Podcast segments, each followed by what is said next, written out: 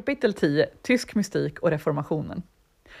När vi nu har tecknat något av den explosiva inverkan som särskilt Dionysios Areopagiten haft på Europa genom renässansen ska vi ringa in den specifikt tyska mystika traditionen i Meister Eckharts efterföljd och se hur den kom att leva vidare i reformationen. Ungefär ett århundrade innan läsning av Dionysios Areopagiten inspirerade molnförfattaren hade Dionysios verk nått den person som skulle gå till historien som den främste företrädaren för mystikteologi i Europa, nämligen Meister Eckhart. Vi vet ganska lite om Eckhart, men han föddes runt 1260. Vid 18 års ålder valde han att bli dominikanermunk i Köln. Under sin levnad innehade han genom Dominikanorden flera olika tjänster och ansvarsområden för att lära ut teologi, däribland som provinsialprior i Sachsen med ansvar för 47 kloster. Den mystika tradition som tar sin början med Meister Eckhart har genom Dionysios Areopagiten djupa förankringar i den alexandrinsk-syriska traditionen och liknar i hög grad hur Maximus bekännaren sammanfattade den. Därmed kommer den också att delvis överlappa med den bysantinska hesikasmen, dock utan dess metodiska förfining. Mäster Eckhart nämner den tredelade själen och beskriver andliga erfarenheter som motsvaras av de östkyrkliga hesikasterna, men bönepraktiken ligger inte i förgrunden för Eckharts mystika framställning. Eckharts kontemplativa centrum sammanfattas med begreppet Abgeschiedenheit, alltså detachment, och motsvaras i hög grad av det bysantinsk hesikasm kallar nepsis. Hos Eckhart finner vi också den apofatiska teologin som framstod som kontroversiell och uppfattades som ett hot av den skolastiska universitetsteologin samt ett erotiskt språk kring gudsmötet. Centralt hos Eckhart var ett sökande efter ett möte med Gud i hjärtat som preciserades genom uttryck som att Guds grund och min grund är en och samma grund.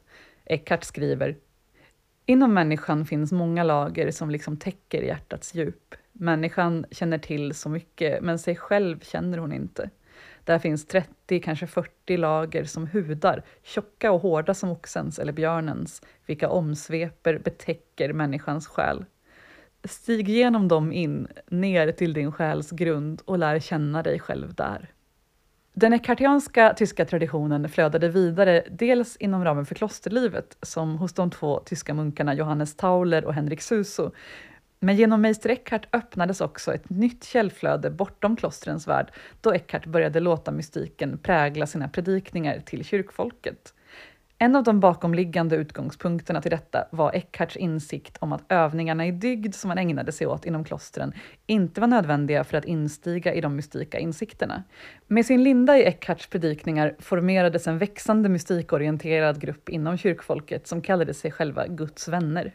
Rörelsens centrum blev Basel, Schweiz, men också Strasbourg och den plats där den unga Eckhart instigit i Dominikanorden, Köln. Klostervärlden hade en gång i tiden skapats för att vara en skyddad miljö där dygdens väg skulle kunna utforskas. Men hos Mäster Eckhart fanns alltså ett radikalt omtag kring dygdens plats i det inre livet.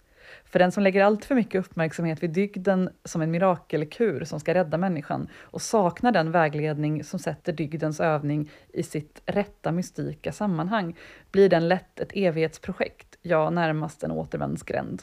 De främsta inom traditionen hade alltid betonat att den yttre dygdeövningen bara kommer till sin rätt om man närmar sig den med rätt inställningar kring dess verkan.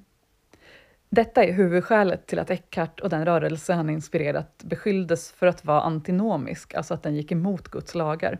Alltså insikten att yttre dygdegärningar inte avgjorde möjligheten att erfara Gud i hjärtat. Och detta är visserligen helt sant. Mötet med Gud hänger inte på dygd. Men den som mött och lärt känna Gud vill göra det goda mot sig själv och sin medmänniska och kan på det sätt hon finner det lämpligt öva sig i dygd, så att hon bättre kan vara kärleksfull och se sina egna brister och tillkortakommanden. Visserligen kan hon också utöva dygd under sin resa på väg mot mötet med Gud i hjärtat, men det är inte på felfrihet i dygdens övning detta hänger, utan på att hon genom övningen och den mystika vägledningen vågar släppa taget om sig själv och finna Gud. Meister Eckhart och Guds vänner-rörelsen kom båda att bli misstänkliggjorda av kyrkoinstitutionen och mot slutet av Eckharts liv anklagades han för heresi. Men innan dom kunde fastställas var Eckhart redan död. Andra i rörelsen och miljön runt den fälldes dock för heresi och vissa brändes på bål, inte minst för att det fanns de inom rörelsen som kritiserade den katolska kyrkans korruption. Bland de heresidömda som fick dö martyrdöden fanns bland andra Martin av Mainz. Den till rörelsen kritiske biskopen Albertus Magnus sammanfattade en sorts checklista över en samling felaktiga teologiska uppfattningar som han tyckte sig se spridas hos kyrkfolket. Hans centrala anklagelserubriker rörde uppfattningar kring gudomliggörelsen, att frälsningen inte berodde på kyrkans sakrament, att man valde att tala om mötet med Gud på ett erotiskt sätt, ovan nämnda antinomianism samt en rent allmänt kyrkokritisk uppfattning. De som tillskrev dessa uppfattningar kallades av Albertus Magnus nedsättande för de fria, varför Guds vännerörelsens skrifter medvetet sökte distansera sig från denna ansamling anklagelser och inskärpte att man inte ville vara något annat än en integrerad del av det katolska kyrkolivet. Trots tumultet som uppstod en tid i Eckharts efterföljd är hans mystik idag allmänt accepterad i katolska kyrkan. I samband med att en rik medlem i Guds vänner köpte en gammal klosterbyggnad fick gruppen ett geografiskt centrum. Denne man var Rulman Merschwin som skrev den lilla boken De nio klippornas bok, en titel som anspelar på Dionysios nio sfärer. Teologia Germanica, som vi också ska återkomma till längre fram, är namnet på ytterligare en annan av den tyska mystika traditionens centrala klassiker och även i detta fall hänvisar den anonyme författaren till Dionysios Areopagiten som huvudsaklig historisk bakgrund till sin mystika teologi. I den tyska mystika traditionen är det dock inte Dionysios kosmologi som är i förgrunden, inte heller i denna bok, även om författaren i ett av sina kapitel kortfattat skriver om nio inre transformationer.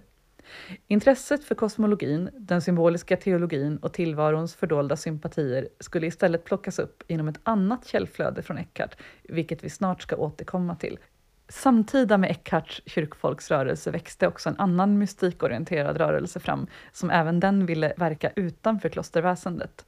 Detta var den så kallade Begin eller Begardrörelsen, som både teologiskt och personmässigt överlappade med Guds vänner. Inom Beginrörelsen slöt sig kvinnor samman i kollektivboenden som gjorde det möjligt för dem att leva ett tämligen fritt liv utanför äktenskapets ramar med möjlighet att resa mellan rörelsens kollektivhus. En av pionjärerna inom rörelsen var den fransktalande belgiskan Marguerite Porret, vars av Dionysios Areopagiten inspirerade verk Enkla själars spegel misstänkliggjordes av den dåtida kyrkoinstitutionen. En annan begin som måste nämnas är Mechthild av Magdeburg, vars romantisk-erotiska poesi kan kännas igen av läsare av Gregorius av Nyssas och Origenes predikningar över Höga Visan. Vi ska nu komma in på hur Eckharts mystik kom att flöda in i reformationen. Tack vare pionjärarbete från forskarna och mystikerna Bengt Hoffman och Tuomo Mannerma vet man idag att mystiken i Eckharts efterföljd kom att påverka Luther djupt och att han utgick från dess insikter när han formulerade centrala aspekter av sin teologi. Men att vidden av dessa drag i reformatorns teologi väsentligen missförstods av sin samtid och huvudsakligen föll i glömska. Men redan ett par decennier innan dessa forskare skrev till verket hade Sveriges ärkebiskop Nathan Söderblom ögon att upptäcka samma sak som dessa forskare skulle komma att se. Och innan ärkebiskopen dog hade han påbörjat arbetet med ett omfattande verk som skulle belysa den mystika ådran i kärnan av den lutherska teologin. Nathan Söderblom kallade Luther den tyska mystikens fulländare, den äkta fulländaren av kyrkans mystika fromhetstradition i dess djupaste fåra. Hans Åkerberg, docent i religionspsykologi vid Lunds universitet, har i sin religionspsykologiska studie av Nathan Söderblom visat hur det var ärkebiskopens personliga andliga erfarenheter som var avgörande för att han skulle få blicken att se djupen hos Luther som mystiker. Den mystika ådran hos Luther blir alldeles tydlig när vi beaktar den med utgångspunkt i det tillfälle då reformatorn råkade finna ett litet anonymt manuskript i ett klosterbibliotek. Han studerade den lilla skriften och insåg snart att han funnit en teologisk guldåder. Den bok han av en slump kommit över var den ovan nämnda 1300-talsklassikern Theologia Germanica, som är ett sorts destillat av den tyska mystika traditionen. Boken bär många namn och kallas också Theologia Deutsch. I Sverige har den också utgivits under titeln Om det fullkomliga goda, men En ädel liten bok blev den titel som Martin Luther valde att förse boken med när han lät ge ut den med egenskrivet förord. Luther, som också var inspirerad av Eckhart-lärjungen Johannes Tauler, gissade felaktigt att det kanske var Tauler som var teologiaförfattaren, som fortfarande är okänd. När Luther läste den blev han helt förälskad i den och i sitt förord hyllar han den som den tredje viktigaste teologiska skriften i världshistorien efter Bibeln och Augustinus och slår fast att dess teologi helt motsvarar den Wittenberg-teologi som han och hans medreformatorer försökte uttrycka. Därtill att alla som beskyllde honom för att vara innovatör bara behövde läsa Theologia Germanica för att i den finna en äldre förlaga till den lutherska teologins centrala insikt. Djupast sett kan man se hur den tyska mystikens kärna delas med de tidigaste mystikerna som förknippas med hjärtats bön-traditionen, det vill säga den alexandrinska katekesskolan, Clemens, Origenes, Nyssa och vidare till Dionysios Areopagiten. Nämligen att det inom oss som uppfattar det gudomliga i sig är något gudomligt. Alltså hur Gud själv är närvarande och verksam i människans djupaste väsen. Av Luther själv formuleras insikten tydligast genom orden in ipsa fide Christus adest. I tron är Kristus närvarande. Luther skriver också Genom tron är Kristus i oss, ja, ett med oss och ansluter sig därmed till den tyska mystikens svidande kritik mot den skolastiska teologi som påstått att tron är en aktivitet i människans själ, alltså något människan själv ägnar sig åt. Enligt samtidens skolastiska teologi ansågs nämligen tron vara en sorts osäker kunskap, ett antagande om tillvaron. Men Luther ansåg att antaganden om tillvaron på inget sätt skulle kunna göra att någon nådde gemenskap med Kristus. Antaganden, uppfattningar och känslor kan människan visserligen ha, men detta är inte trons kärna utan enbart dess yttre verkningar. Själva föreningen med Gud beror ju på Kristus, inte på mänskliga uppfattningar. Alltså måste trons kärna vara Kristus själv. Luther skriver, tron är inte en kvalitet i hjärtat som förhåller sig till Kristus på avstånd. Att tro så är ett farligt fel. Han är inte långt borta, icke aktiv i en himmel. Han är fullständigt närvarande i oss, aktiv och levande. Och på ett annat ställe, detta är Kristus sanna tro, genom vilken vi blir lemmar i hans kropp, hans kött och ben. I honom lever och rör vi oss och har vårt varande. Därför är sekteristernas spekulationer förgäves när de istället hävdar att Kristus är i himlen. Nej, Kristus och tron är helt förenade. Kristus är och lever i oss. Han lever och verkar i oss, inte spekulativt, men på ett verkligt sätt, verkligt närvarande. Vidare har man inte förstått Luthers uppfattning om tron om man tänker sig att Kristus bara är trons objekt, alltså något man tror på, på samma sätt som något föremål kan vara ett objekt för mänsklig kunskap. Kristus är inte objektet för tro, utan subjektet, den som tror.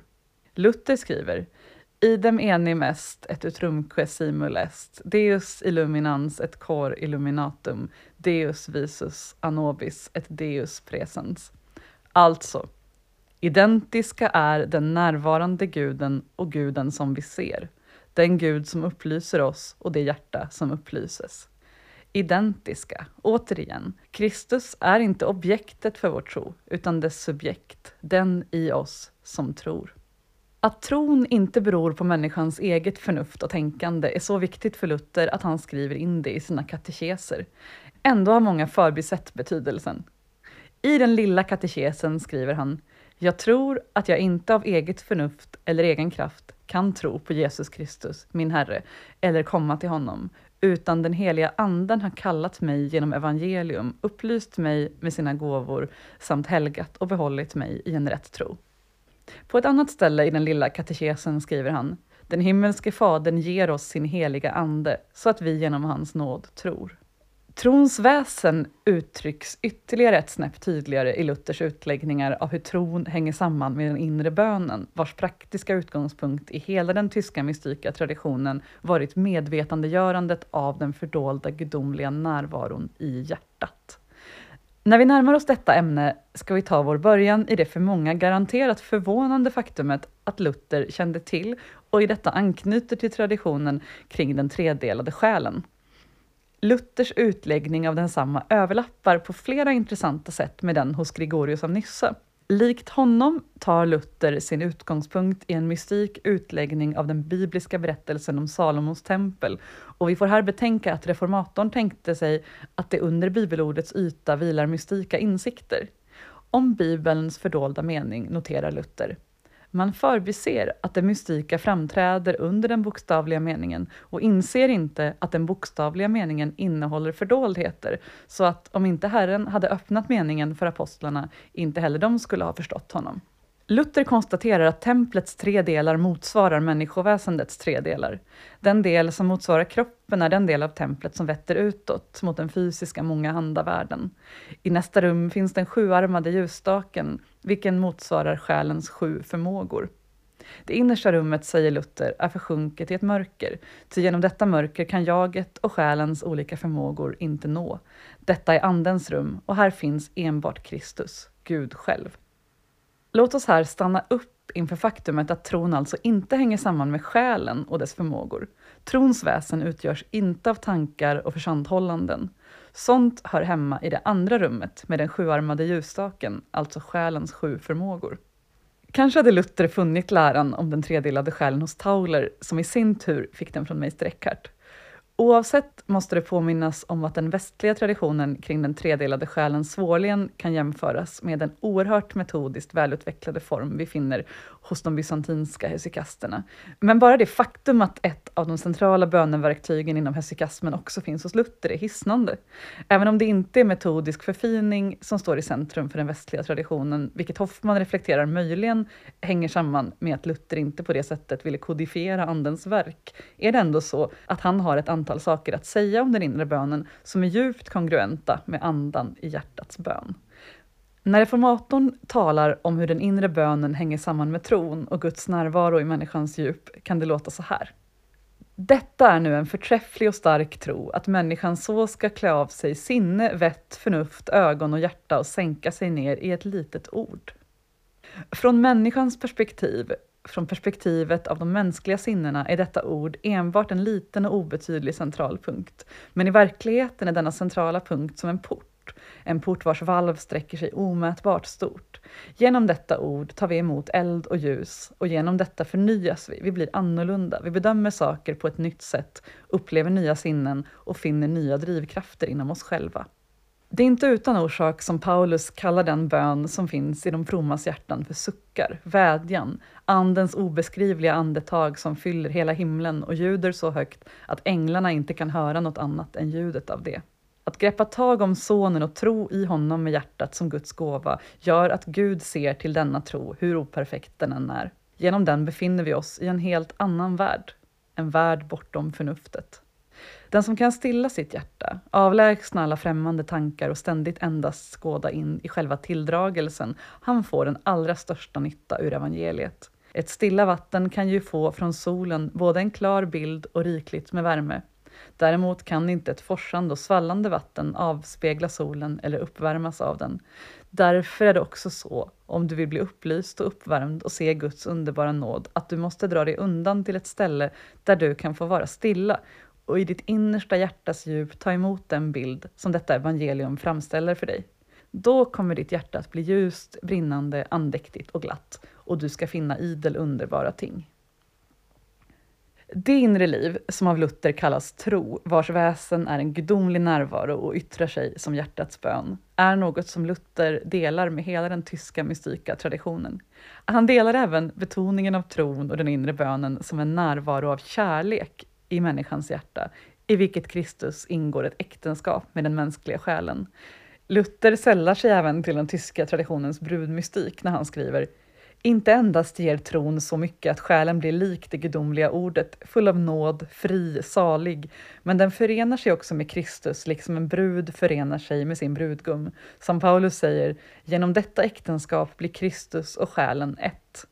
Med hänvisning till ett ställe i Höga visan skriver Luther om vad tro djupast sett innebär. Sann tro förkunnar detta. Min käraste är min. Ett yttrande vars betydelse fördjupas ytterligare en nivå i Luthers utläggning av den ursprungliga människan Adams samlag med Eva som uttryck för trons väsen. Dessa stråk hos reformatorn har, särskilt på svensk mark, kommit att skymmas av tankebyggen som trodde att det erotiska språket inte hörde hemma i luthersk tradition.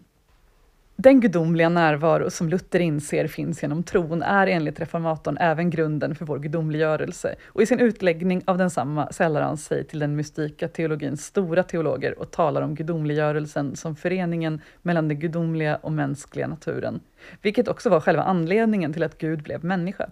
Luther skriver på samma sätt som Guds ord, alltså Guds logos, blev kött, sannerligen på samma sätt är det också nödvändigt att köttet blir ord. På detta sätt är det med allt som är i oss, respektive hos Gud. Han tar det vi har för att på detta sätt ge sig själv och det han har till oss. Gudomliggörelsen är hos Luther helt central och hänger intimt samman med trons väsen på ett sätt som är identiskt med teologia Germanica och Meister Eckhart. Samtidigt är han smärtsamt medveten om hur ensam han är om denna insikt.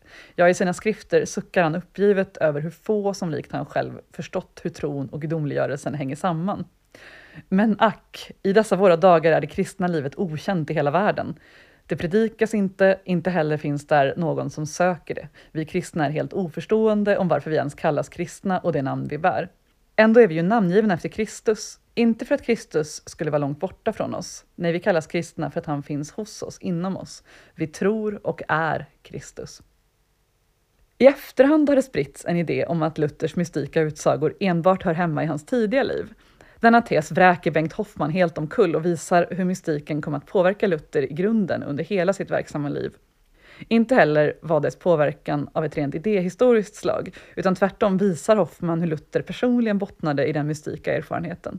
Dock är det inte utifrån sina andliga upplevelser som Luther talar om tron. Att på detta sätt avstå att berätta om sin andliga erfarenhet är något som förenar reformatorn med ett vanligt spår inom den mystika traditionen, vilket går tillbaka till Paulus exempel. Samtidigt konstaterar Luther att endast erfarenhet gör en till teolog. Att du blir en riktig teolog i hänryckning och extas, samt att Kristustron är att ryckas upp och föras bort, hän mot Gud, den osynlige, den överallt upphöjde, den obegriplige. Den ovan nämnde Lutherforskaren professor Bengt Hoffman har lagt fram en historisk utläggning av hur de mystika dragen hos Luther alltmer försvinner från blickfånget när reformationen formeras i statskyrkor, men även hur de genom seklen hållits levande i minnet inom mystika kretsar som ibland varit en aning heterodoxa. Den som vill fördjupa sig i ämnet luthersk mystik rekommenderas två böcker. Tuomo Mannermans bok Christ Present in Faith är tämligen kortfattad och sammanfattar några aspekter av Luthers mystika teologi. Bengt Hoffmans bok Theology of the Heart är dels en kompletterande utläggning av delvis andra, delvis samma mystika drag som Mannerma lyfter fram, men utgör därtill en rik historisk exposé kring varför dessa aspekter hos reformatorn föll i glömska. För Martin Luther stod inte spridandet av de mystika insikterna i det första rummet. Han hade annat att tänka på. Att skapa folkligt stöd för reformationen i breda folklager, att hantera konflikter, krig och uppror samt olika lärostrider. Luther formulerade heller inte främst en systematisk teologi, utan den framväxande lutherska kyrkans teologi formulerades snarare av hans medreformator Melanchthon. Så blev också den lutherska kyrka som kom att formeras i olika länder i knappast kyrkobildningar som höll mystiken främst. Men det fanns de som under och efter Martin Luthers liv uppfattade den mystika ådran i reformatorns teologi. När vi nu ska tala om hur den tyska mystiken kom att leva vidare inom den lutherska miljön, behöver vi först säga något om pietismen, som blir en sorts samlingsbeteckning under vilken de lutherska statskyrkorna kom att rubricera alla möjliga upptänkliga och minst sagt disparata former av vilja till andlig fördjupning, utöver det som stod på programmet för den statligt sanktionerade och icke-mystika lutherdomen, vars teologi hade kommit att kretsa kring en forensisk framställning av Jesu verk utan betydelse för det inre livet, snarare än att som mystikerna betona den inneboende gudomliga närvarons levande och verkande aktivitet. Här måste dock först noteras att för många som kallades pietister var det inte det mystika arvet som stod i centrum, utan snarare sånt som apokalyptik, eller att man inspirerat av läsning av Bibeln, som sedan reformationen fanns på folkspråket, ville fördjupa sitt andliga liv på ett eller annat sätt. Medvetna om problemet med begreppet pietism kommer vi ändå att använda det, då det ändå säger något om hur den protestantiska mystiken inte hamnade i centrum för det sanktionerade troslivet, utan huvudsakligen levde vidare som teologiska underströmmar inom olika delar av det lutherska samhället. Hoffman har visat hur en icke-mystik tolkning av Luther kom att koppla greppet om kyrkoinstitutionen och i viss mån hamnade i konflikt med pietisterna, som gjorde gällande att mystik andlig fördjupning var möjlig även i luthersk tradition. Kanske ledde denna konflikt till att kyrkoinstitutionen blev andefattigare och vissa av pietisterna mer obalanserade. Kyrkoinstitutionen hamnade nämligen i den trista rollen att behöva diskreditera pietisternas vilja till andlig fördjupning, vilket kan ha gjort det svårt för den att motivera någon andlig fördjupning överhuvudtaget. I pietisternas fat låg problematiken att man inte bara möttes med argument, utan ibland också rätt tuff repression via statsmaktens våldsmonopol. De huvudsakliga problemen uppstod i de fall där radikala pietister skilde ut sig från folkflertalet genom ett tydligt annorlunda sätt att leva, som de som i sin vilja att leva i radikal efterföljelse av evangeliet därför tillämpade egendomsgemenskap. Sveriges första friförsamling, den Filadelfiska societeten på 1700-talet, utgör ett belysande exempel på en krets som förenade ett djupintresse för heterodox mystik och ett radikalt levnadssätt. Den svenska statsmakten bedömde rent allmänt att det skulle vara för farligt att ägna sig åt avrättningar av pietister som av olika skäl valt att inte foga sig i leden. Och man valde istället oftare långa fängelsestraff. Några satt så mycket som 40 år bakom lås och bom. Detta ledde till att delar av pietismen till viss del blev mottaglig för apokalyptisk oro och en ibland mycket häftig kyrko och samhällskritik. Men där fanns också många andra, inte minst högreståndspersoner, som använde sina positioner för att inom systemet verka för att skapa en större acceptans för den mystik som pietismen förde vidare. Som vi nämnde var inte Martin Luther den enda protestantiska teologen som anknöt till de mystika källflöden som kom från Mäster Eckhart.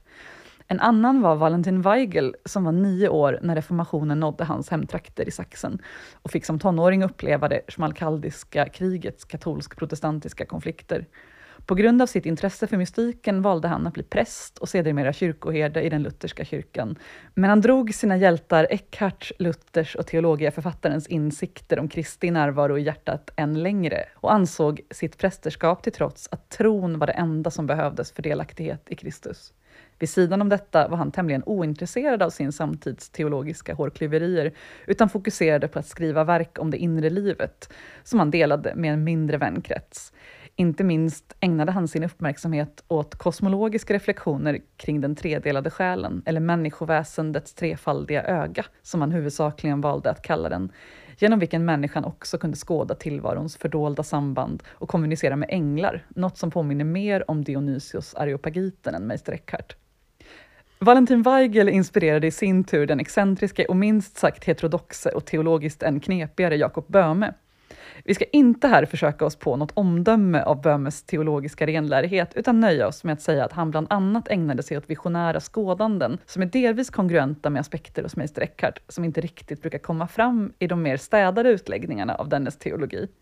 Det rör visionära beskrivningar av treenighetens framträdande ur den gudomliga urgrunden. Men Böhme har en stor bredd och även om detta är sånt som ofta hamnar i det initiala sökljuset finns där också mycket annat. Dels sånt man förvånande nog känner igen från den tidiga mystikens år, men också sånt som har sin grund i Böhmes med sin samtids delade intresse för antikens gamla vetenskaper. Böhme hade flera efterföljare, främst John Portage och Georg Gichtel. Portage ägnade stor uppmärksamhet åt ett särskilt drag i Böhmes mystik genom etablering av en personlig relation till Guds vishet, Sofia, men beskriver också erfarenheter av möten med änglar. Gichtel utvecklar traditionen kring den tredelade själen genom att därtill beskriva kosmiska principer som är verksamma i människans själ och kropp. Överhuvudtaget tycks Böhmes inflytande vara underskattat, inte bara inom hela det pietistiska fältet utan också på så förvånande håll som inom rysk-ukrainsk ortodox sofiologi. Till svenska översattes Böhme tidigt och senare också Porter to Gichtel. Översättningarna gavs dock ut som handskrifter då de inte kunde tryckas på etablerade förlag. I början av 1900-talet gjorde dock sufismkännaren Erik Hermelin en stor översättningsgärning och lät publicera flera av hans verk på förlag som äntligen kunde trycka dem utan att därmed begå lagbrott.